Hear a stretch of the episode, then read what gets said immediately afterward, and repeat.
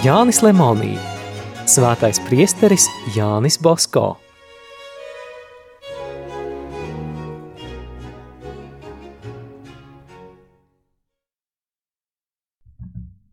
Tajā laikā plaši liesmoja politisko kaislību ugunis. Karalis Kārlis Alberts bija spiests izdarīt reformas. Neapmierināti cilvēku pūļi, solījumu satracināti gandrīz ikdienas izgāja pilsētas ielās demonstrācijās. Bosko saprata, ka šis politiskais kārsonis var negatīvi ietekmēt nenobriedušos jauniešus.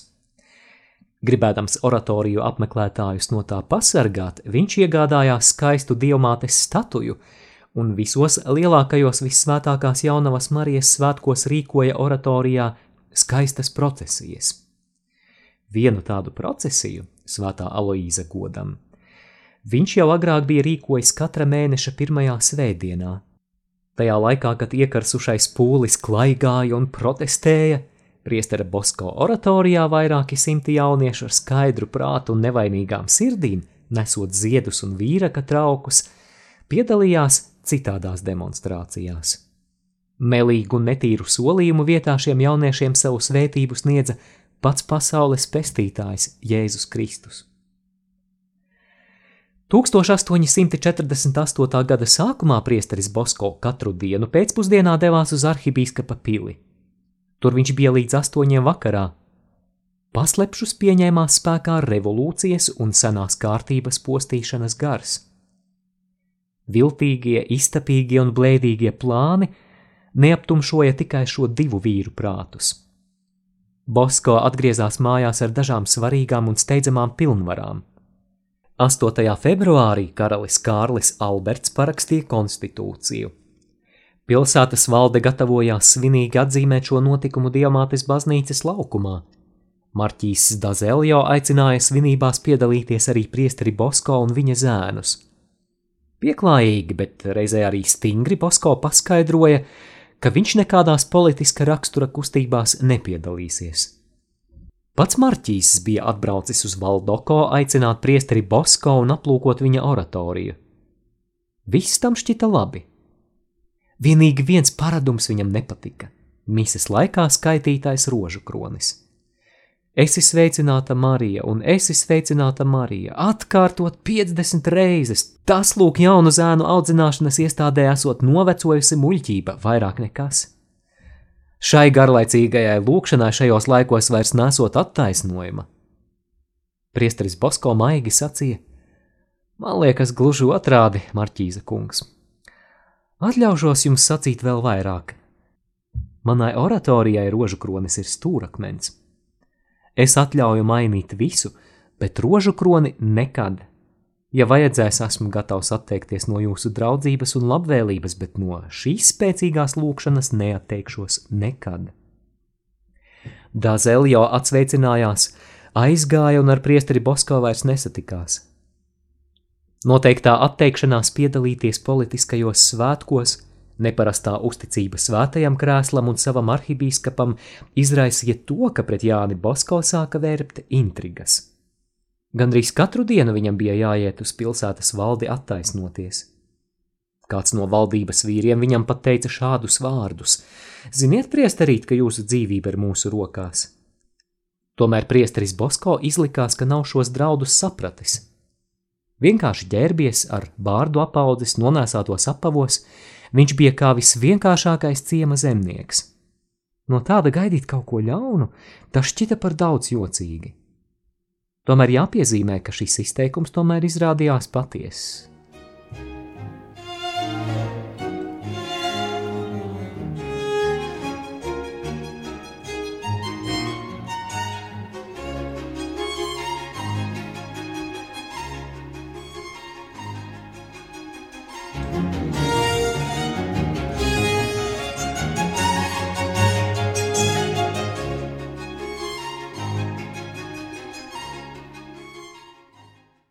Vēl nebija pagājis mēnesis, kad klosteru un kongregāciju vajāšanas sākās pavisam atklāti. Barbariski draudi ik vakarus atkārtojās aiz svētā Asīzes Franciska akadēmijas un Marķīzes Barolo patversmes logiem. Cik gan daudz uzbrukuma bija priesterim Bosko. Ja viņš izglābās, to var uzskatīt par brīnumu. Trīs metrus no oratorijas kapelas bija nevisai augsts mūris, kas šķīra oratoriju no Valdoko pļavas. Pavasarī kādas svētdienas pievakarē priesteris Bosko mazajā sakristējā lielākajiem zēniem skaidroja katehismu. Tajā dienā viņš runāja par Kristus mīlestību, kuras dēļ viņš atnāca virs zemes, kļūdams cilvēks, par mums cieta un mira. Bosko stāvēja pagriezies pret logu, kas atradās pretī mūra sētāja. Pretī logam bija atvērtas durvis. Bērni ļoti uzmanīgi klausījās priestera vārdos. Tajā brīdī kāds ļaundaris nostājies uz mūra, nomērķēja uz priesteri Bosko un izšāva.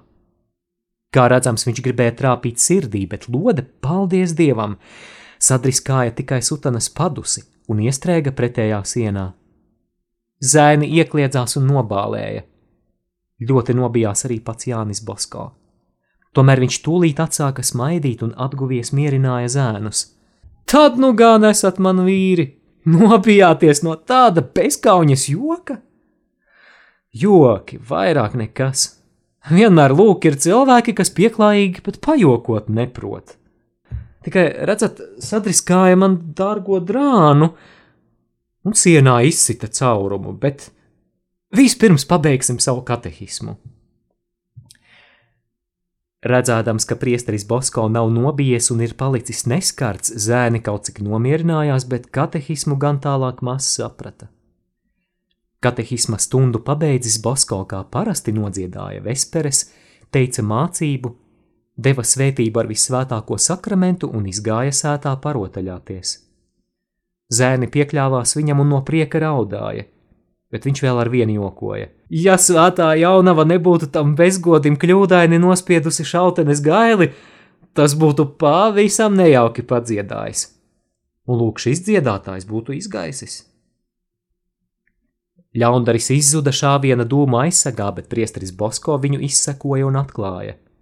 Tas bija vecs blēdis, jau vairākas reizes sodīts, sēdējis daudzos cietumos un nevienu reizi no tiem izbēdzis.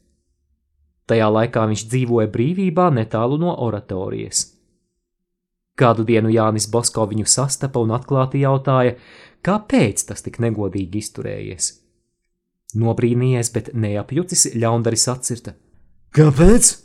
Pats to nezinu. Tāpat vien gribēju pamēģināt, vai ar savu šauteni var trāpīt labi jūsu mājā. Tu, draudziņ, esi nelaimīgs.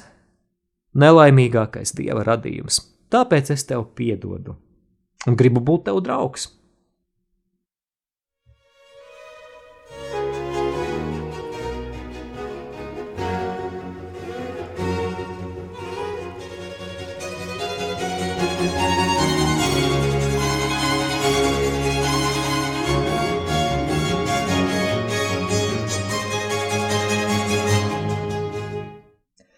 Konstitūciju parakstīja 4. martā. Pilsētiņā sākās dažādas sanāksmes, svētki, gājieni. Šie svētki turpinājās līdz 23. martam, līdz dienai, kad Kārlis Alberts pieteica karu Austrijai. Viegli saprast, cik daudz aizdegta pulvera, juku un iekarsuma. Kara noskaņas kāra arī oratorijas zēnus. Jānim Bosko gribot negribot bija jāiet pret straumi. Cik to atļāva ticības un civilizācijas likumi, viņš arī samierinājās. Jaunieši fantazēja par ieročiem un naktīs par tiem sapņoja. Tā arī oratorijā vajadzēja rīkot kaujas.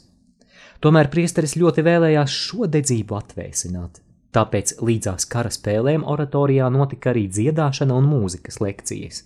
Politisko notikumu laikā cieta ticība, Arī šim ļaunumam pievērsdams uzmanību, priesteris Bosko bieži rīkoja svētkus un svinīgus dievkalpojumus. Lai bērni uzmanīgāk klausītos katehismu lekcijas, priesterim Borelo palīdzot, Bosko katehismu sāka skaidrot dialoga formā. Gavēņa piekdienās tika iets krusta ceļš. Lielajā ceturtdienā Jānis Bosko aicināja bērnus apmeklēt Kristu cietumā, bet vakarā pirmo reizi oratorijā notika kāju mazgāšana. Kara noskaņas aizdegti pilsētas pusauģi pulcējās biedrībās, kas savā starpā cīnījās un sacentās.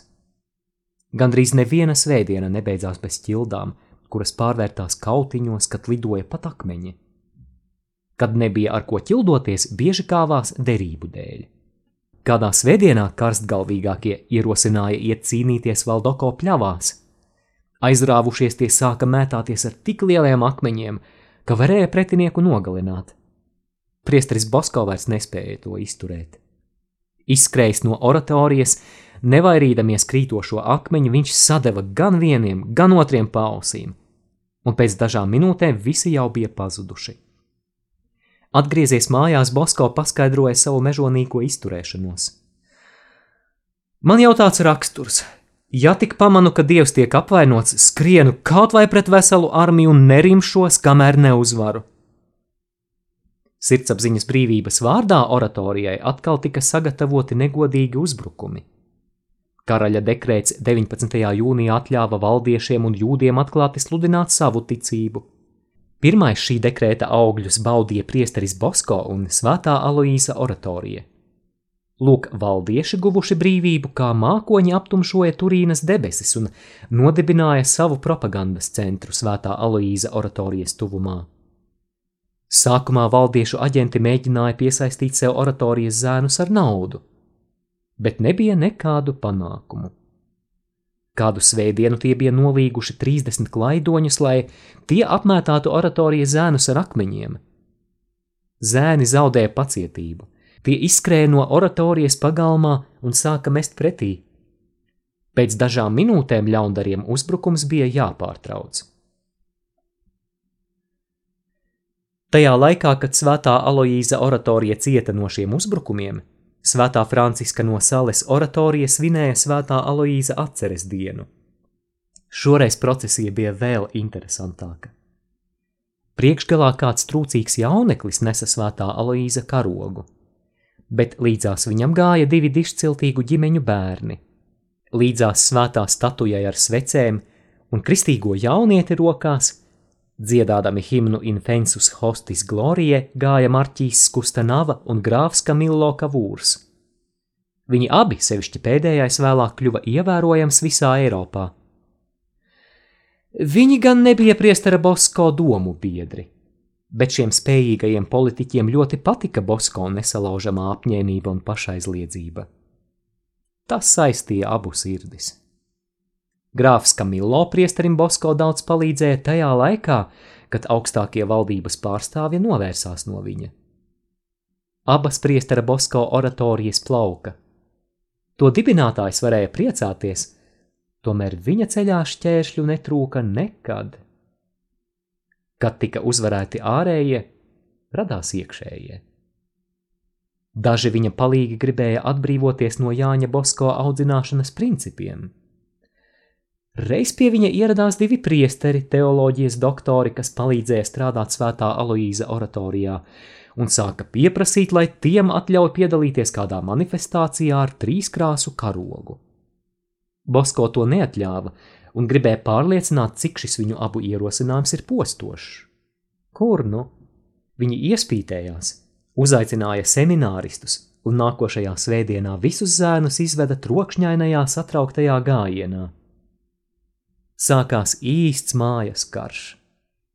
Gandrīz pusē svētā Aloīza oratorijas apmeklētāju pielipa šis tukšo trokšņotāju drudzis, un tie izteicās, ka lūk, atklāti neielūgti, uz oratoriju neiešot, bet atklāti ielūgti pieprasīja, lai tiem ļauj pie krūtīm nesāt politiskās partijas zīmi un iet demonstrācijās oratorijas vārdā ar karogu rokā. Tādu nekārtību dēļ priesteris Bosko ļoti noskuma – bet rokas nenolaida un drosmi nezaudēja. Visiem nepaklausīgajiem viņš ļoti laipni pateicās par palīdzību un no visas sirds piedeva. Sāpīgi sacīt, ka tie tā iekarsa, ka pat zēnu sāka pierunāt aiziet no oratorijas.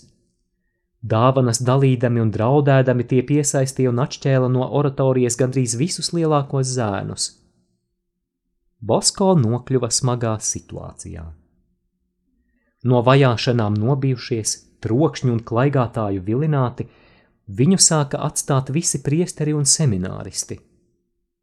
Tikai senais draugs priesteris Borelo viņu neatstāja. Šis augumā mazais, bet garā lielais priesteris, pārslogots ar darbiem, vienmēr atrada laiku, lai palīdzētu priesterim Basko. Ja vien vajadzēja, viņš veltīja savas atpūtas stundas un gāja talkā savam jaunajam domu biedram un draugam. Salīdzjāņu kongregācijai šim cilvēkam pateicībā būtu jāuzceļ piemineklis. Izskanēja lasījums no Jāņa Lemonija grāmatas Svētais priesteris Jānis Bosko.